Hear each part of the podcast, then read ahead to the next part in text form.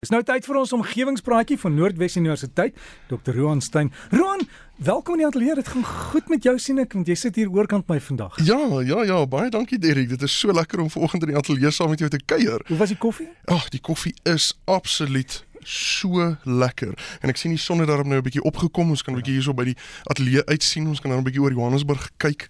Maar ehm um, ja, dankie Derek en goeiemôre, goeiemôre Derek aan jou en goeiemôre aan ons luisteraars. Baie dankie dat jy vanoggend ingeskakel is en uh en en ek wil eintlik sommer voor ons nou oor die windkrag begin gesels, wil ek net vir almal baie dankie sê wat my wat my sterk toegewens het toe ek bietjie plat getrek is laasweek en ehm um, en dit dit het uh, ek waardeer dit geweldig baie. Ek het epos gehad, "Waar's Roan? Waar's Roan? Waar's Roan?" Sê nee nee, jy sal jy Ja nee, dit was dit was arme baie kortstondige ding geweest, maar dit was vir my baie verruklik geweest om te sien dat mense geniet die omgewingspraatjies en dit gee my sommer nuwe moed om al die volgende idees uh met ons luisteraars te deel. Maar nietemin, Derek, vanoggend gesels ons oor 'n uh, windkragopwekking en eintlik tot my verbasing het ek agtergekom dat ons het nog nie oor windkrag gepraat nie. So daar is natuurlik nou die beste tyd om sommer nou dadelik oor windkrag te praat want Suid-Afrika is besig om 'n klomp windplase op te rig en um, ons is besig om pryse daarvoor te wen wêreldwyd. En uh en ek dink dit sal goed wees as ons nou bietjie uh gesels oor die beginsels van 'n uh, windkragopwekking. Ehm um, so ek gaan sommer daarmee begin voor ons oor die projekte gaan praat.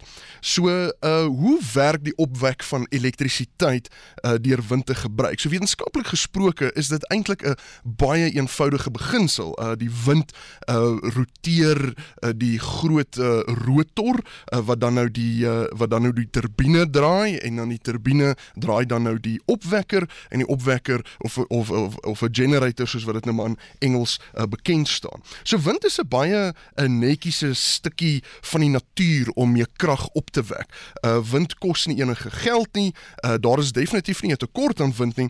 En dan moet ons ook onthou dat wanneer die wind gebruik word om daai rotor te draai, is dit nie asof die wind nou op is nie. Uh daai wind kan aangaan om nou weer 'n ander rotor op te draai. En um, 'n mens kan ook nou 'n meer ingewikkelde gesprek hê oor hoe uh die wind dan nou tot stand kom. Um en dit is eintlik 'n belangrike gesprek om te hê. Mense moet weet waar die wind vandaan kom want uh, om jou om jou gebied te kies waar jy dan jou windplaas wil opsit sodat jy nou kan seker maak dat daar wel wind oor die algemeen sal wees en dat dit nie net toevallige winderige dag was die dag toe daai uh, gebied gekies is nie. Nou die twee grootste invloede wat wind veroorsaak is snaaks genoeg die son en uh, die topografie van die land. So die son uh veroorsaak wind as gevolg van die onegalige uh opwarming van die atmosfeer. So daar is 'n koue deel wat nou sê net maar van die aand as gevolg koud is as gevolg van die aand. Die son kom op. Ehm um, daar is 'n hy verhit die atmosfeer aan die een kant en termodinamiese wette sê vir ons dat hy gaan van warm na koud toe waai en dat veroorsaak dan nou 'n wind. En natuurlik topografie veroorsaak ook ehm um, wind waar daar nou berge en valleie is wat hierdie wind uh tonnel en uh dit uh word dan nou vreeslik sterk in ag geneem wanneer hierdie windplase gebou word. Nou breedweg net vinnig ek is al twee tipes turbines. Daar is 'n vertikale asturbine en 'n horisontale asturbine um uh, ontwerp as dit ware.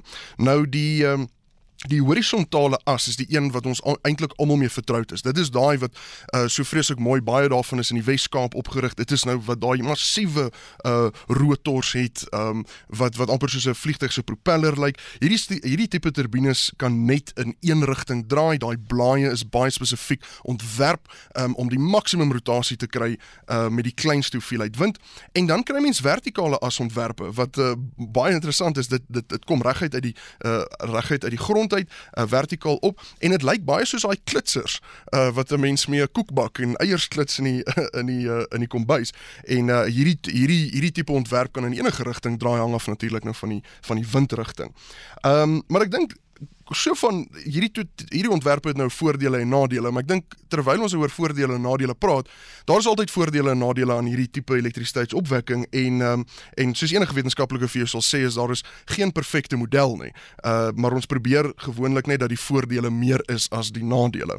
So as ons kyk na die voordele van van uh, van van windkrag, natuurlik ons sien daar is nie 'n tekort aan wind nie, uh mits die windplaas uh, op die regte plek gebou is en um, daarom kan ons uh, en okay, ja, die volgende volgende voordeel is dat uh, windkrag is ook 'n baie goedkoop manier van elektrisiteitsopwekking.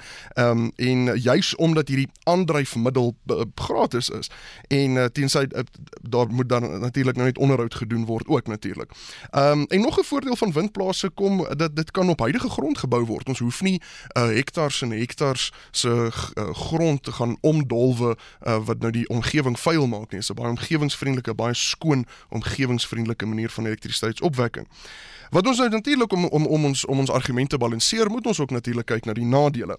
Ehm um, een van die nadele is dat hierdie turbines is massief, Derek. Uh een blaai of een propeller van daai rotors is is 63 meter lank. So as jy twee van hulle langs mekaar sit, 100 amper 130 meter lank. Dit is dit is ongelooflik groot. So mens kan hulle nie te vreeslik naby aan mekaar uh, bou nie. Nou een van daai turbines gee ongeveer 3 megawatt uh, krag uh, wat opgewek word. Dit is enigiets tussen 1 en 5, maar gemiddeld is dit so 3.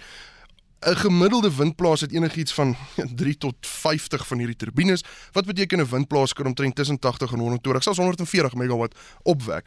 Nou As 'n mens dit vergelyk met steenkoolkapasiteit, is dit nie aardskuddend nie. Uh om om 120 megawatt ekstra op die nasionale netwerk te sit, gaan byvoorbeeld nie beurtkrag uh, uh stop sit nie. Um fase 1 beurtkrag is per definisie 1000 megawatt wat wat bespaar moet word. Um so so dit is dit is 'n groot onkoste, dit vat baie plek um en, en ons kry krag daarvoor, maar nie verskriklik baie krag nie. Um wat ons ook wel moet agneem soos wat jy nou-nou genoem het is die voëls. Uh so BirdLife South Africa het 'n baie interessante verslag uitgebring gepubliseer in 2017 wat uh, hulle vir 2 jaar lank na sekere windplase gekyk het en gekyk het na die ehm um, na die die hoeveelheid voëls wat dan nou so vrek in daai omgewing en uh die die die verslag wys daarop dat daar omtrent tussen 3 uh, tussen 2 en 8 voëls per turbine per jaar sou sterf um as gevolg van die turbines wat daar opgerig is. En en en my groot vraag en eintlik as wetenskaplike is dat daai getal, daai syfer beteken eintlik net iets as ons hom kan vergelyk met iets anders. Uh so ek dink ons moet ons moet ons meer inligting daar kry. Maar nou wil ek gou-gou afsluit met die met die uh die baie interessante projek wat in Suid-Afrika geloods is. So um Suid-Afrika het 'n hele paar windplase en ek maan ons luisteraars aan om te gaan kyk na die South African Wind Energy Association se webtuiste.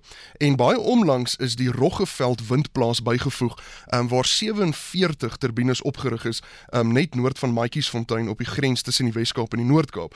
Um, daai plaas werk omtrent 140 megawatt van krag op en dit word in die nasionale netwerk ingevoer. Dis 'n baie indrukwekkende stukkie konstruksie daai. Ek sal baie graag 'n draai daar wil gaan maak wanneer ek weer in daai rigting gaan en ek sê baie dankie vir ons omgewingsvriend Johan Hatting wat deel was van daardie konstruksieprojek wat ons baie inligting en foto's van die windplaas gestuur het en dit is natuurlik op ons uh, omgewingsblad uh, uh ons omgewingspraatjies uh Facebookblad waar dit dan nou geplaas is. So ek sluit hiermee af Derrick, um Suid-Afrika is definitief besig om na ander maniere van elektrisiteitsopwekking te kyk en uh en windkrag speel 'n groot rol. Dit is goedkoper.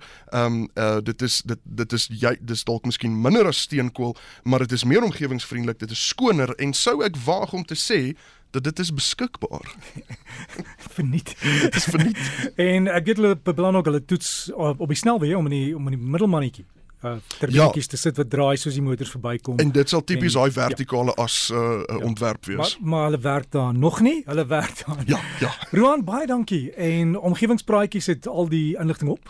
Inderdaad, Facebookblad ja. omgewingspraatjies, hy sien meervoud en al die mense kan en, al die inligting daar kry. Ons het nou 'n foto geneem met dankie vir die deel. Hy's op my Derry Gardner blad ook op die omgewingspraatjie en ek het hom ook afgeneem toe jy nou gepraat het. Jy's ook daar op die blad om te wys hoe jy werk. Ons praat weer alles van die beste. Baie dankie Derrick.